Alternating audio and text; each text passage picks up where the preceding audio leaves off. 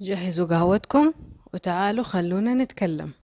ما حبيت أسجل هذه الحلقة آه، إلا بعد ما أشوف مسلسل دارك اللي جنن البشر في الفترة الأخيرة لأنه مو طبيعي صراحة. يعني الفكرة العبقرية أنه يربط بين ال- الفلسفة والعلم والحياة وياخدك كده في رحلة يضيعك يضيعك يطلعك وينزلك يوديك ويجيبك. بعدين بعدين كده يبين لك كل شيء في آخر حلقتين. يعني آخر حلقتين تحس فيها انفجار عظيم. آه حبيته.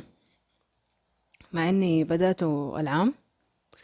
لما كل الناس كانوا بيهرجوا كان آه خلاص حيبدأ سيزون 2 آه شفت آه، بدأت فيه. شفت أول سيزون وما كملته. وصلت لين حلقة 8 وحسيت إن المسلسل آه، مرة كئيب. ما عجبني مرة كئيب. هو حلو بس حسيت إنه مرة كئيب. يمكن الفترة هذيك أنا كنت مكتئبة. هو أكيد أنا كنت مكتئبة هذيك الفترة لأنه كنت بمر بظروف. بس فوقفته إلين يومكم هذا اللي رجعت شفته فيه تاني لما رجع season 2 season 3 بدأ. وبس وبدأت ألحق مع الناس.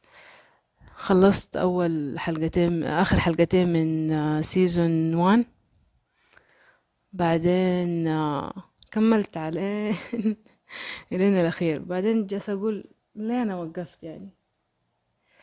ما ما هو قد كده كئيب أو شيء.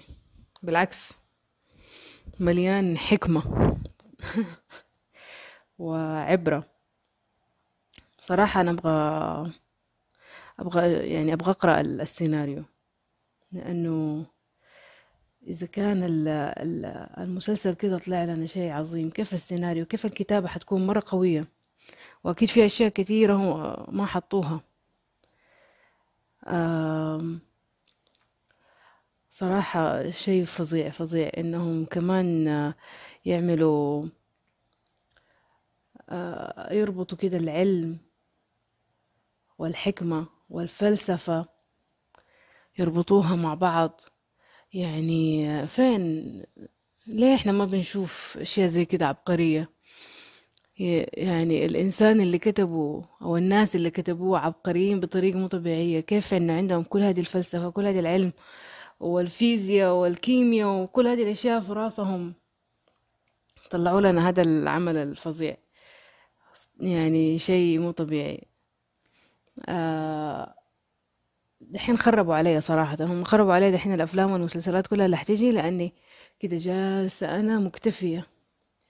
مكتفية بكمية الفن اللي أنا شفته. يعني خلاني كده جالسة أفكر. وأقول الله الله. يعني دحين أنا ما بتفرج ولا أي شيء تاني. ده أنا مكتفية مكتفية ذاتيا من كمية الفن. هذا هو الفن هذا هو الفن اللي يلامس شعورك اللي يخليك كده آه، تعيش حالة تانية. يعني سواء إنك شفت فيلم أو مسلسل أو سمعت أغنية أو قرأت كتاب كده لامس شعورك لامس وخلاك كده تحس إن أنت في مكان تاني. ودخلتوا مع بعض وكونتوا حاجة.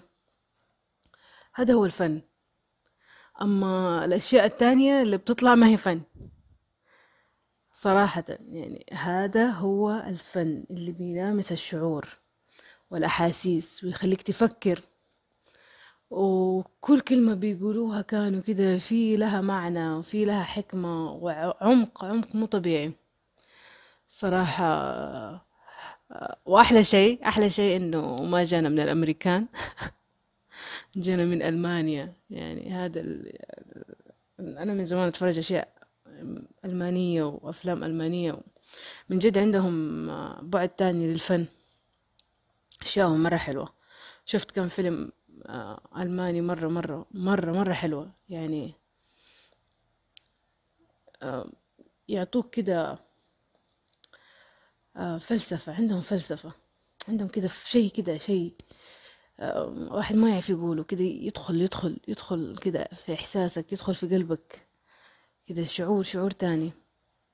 فأحلى أحلى قرار إن أنا اتخذته إن أنا وقفته مع إنه كان القرار اللي أنا اتخذته يعتبر قرار غبي هذيك الفترة إنه أنا وقفته على إنه آه المسلسل كئيب.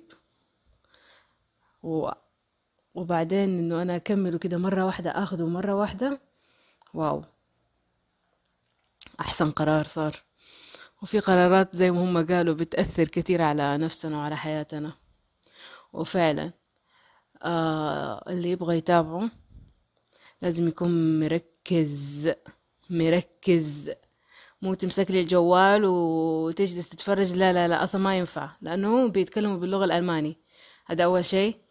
فانت لازم تشوف الترجمة وتركز كده وتخليه يدخل معاك كده يدخل في إحساسك. وتركز لأنه الشخصيات متفرعة ومتشعبة وبياخدوك للماضي وللحاضر والمستقبل وكل فترة فيها شخصية. بس أنا اللي عجبني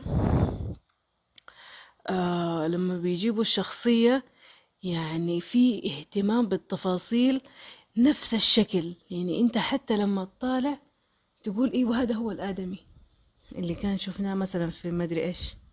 نفس تقريبا نفس الشكل مع إنه ما هو نفس الممثل بس نفس الشكل كده في الاشكال كده مرة متقاربة جايبينها. ما هو واحد عيونه خضرة وهو صغير صارت عيونه بنية وهو كبير.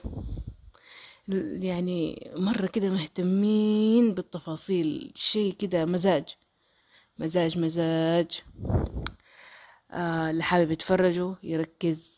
واللي يقول إحنا ما فهمنا ما أدري كيف أنتوا أنتوا ما كنتوا مركزين صراحة. أنا شفته وتركته وبعدين كملته بعد سنة وفهمت. حتى ما كم ما, ما رجعت عدت الحلقات اللي أنا شفتها لا. كملت من حيث وقفت. رجعت كملت تاني. فلا حد يجي يقول لي ما فهمنا وما أدري لا. انت ركزوا وحتفهم مظبوط حيبان كل شيء. بس أهم شيء تركزوا وتتركوا الجوال وكده. وتخلوا الكلام وتخلوا الأشياء اللي هم بيسووها كده عيشوها عيشوها عيشوا معاهم عيشوا معاهم اللحظة. عيشوا معاهم الفن الفن الفن هذا اللي هم مسوينه صراحة. أنا ما أقدر ما ما أعرف شو أقول. الشيء اللي هم في شيء مرة كده خلاني الفترة هذه أفكر فيه كثير.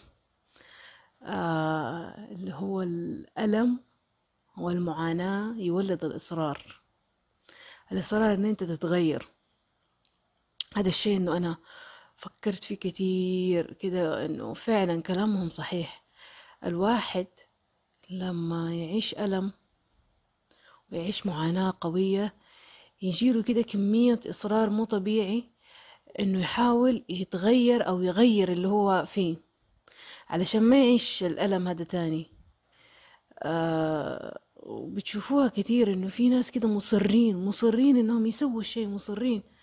وأنت تقول يعني من فين من فين من فين هذا الإصرار جاء؟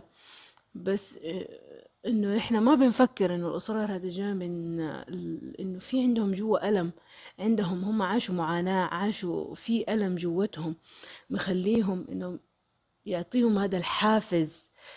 بعض الأحيان حافز يكون خير أو حافز يكون شر. إنهم آه يخرجوا يخرجوا من المأزق اللي هم عايشين فيه ولا الألم اللي هم عاشوا فيه. آه وهذا شيء آه ما هو طبيعي في, في النفس البشرية. يعني زي ما انت تشوف مثلا واحد كان مليان يعني جسمه مليان دب وبعدين كده جاله إصرار ونحف مرة نحف. فأنت تيجي تقول يعني العزيمة هذه جت من فين؟ العزيمة هذه جات من إنه عاش طول حياته الناس تتريق عليه. سببوا له ألم في نفسه. آه، كل ما يروح مكان يدور ملابس ما يلاقي تعب تعب. فقام أصر إنه يغير هذا الشيء.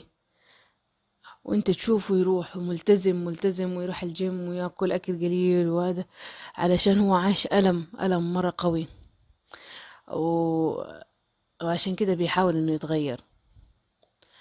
وفي في شيء لقيته في انستغرام كده post آه وأنا. بتمشى في انستغرام آه انه واحد في الهند صبي في الهند آه إيش سوى قام يعني قتل صاحب أبوه ليه علشان لما كان صغير شاف هذا الآدمي بيقتل أبوه. فقام عاش يمكن 13 سنة وهو يخطط إنه يقتل الآدمي أو 12 سنة يخطط إنه يقتل الآدمي. وبعد 12 سنة سواها وقام قطعه 12 قطعة. على كل سنة هو انتظر فيها كان بيخطط فيها الانتقام بعدين راح سلم نفسه يعني يعني شايفين ال- ال- الألم اللي سواه هذا الآدمي لهذا الطفل إنه خلاه يفك يعني خلاه يجلس 12 سنة يخطط لقتله.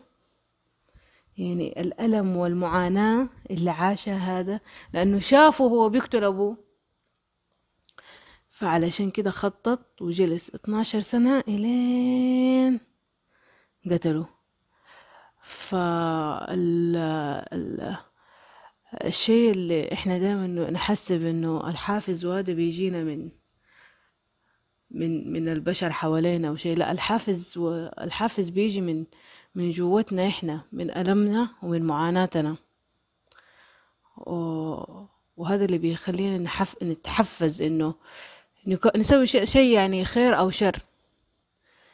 آه الألم والمعاناة شيء ما يستهان به وخلاني يعني من جد أفكر في أشياء كثيرة في حياتي كانت آه، بسبب الألم والمعاناة إنه أنا قمت غيرت وتغيرت عشان أنا ما أبغى أعيش الألم هذا تاني. آه وبس. آه وقبل ما أقفل في عندي توصية لكتاب برضو. أنا دايما دايما دايما دايما في عقلي هذا الكتاب من يوم ما قرأته وأنصح به كثير اللي هو المدينة الوحيدة. آه بيتكلم آه هو بي برضو بيتكلم عن الألم والمعاناة وبيتكلم عن الاكتئاب. هي الكاتبة كان عندها اكتئاب وزي كده وبتاخدكم في رحلة آه، عبر شخصيات كتيرة كان عندهم ألم ومعاناة وعاشوا عيشة صعبة زي كده. في الفن و... وأغلبهم في ال... يعني كانوا فنانين في الرسم. عشان ما أحرق عليكم أقرأوا الكتاب وأتمنى أن أنتوا تسمعونا المرة الجاية. سلام.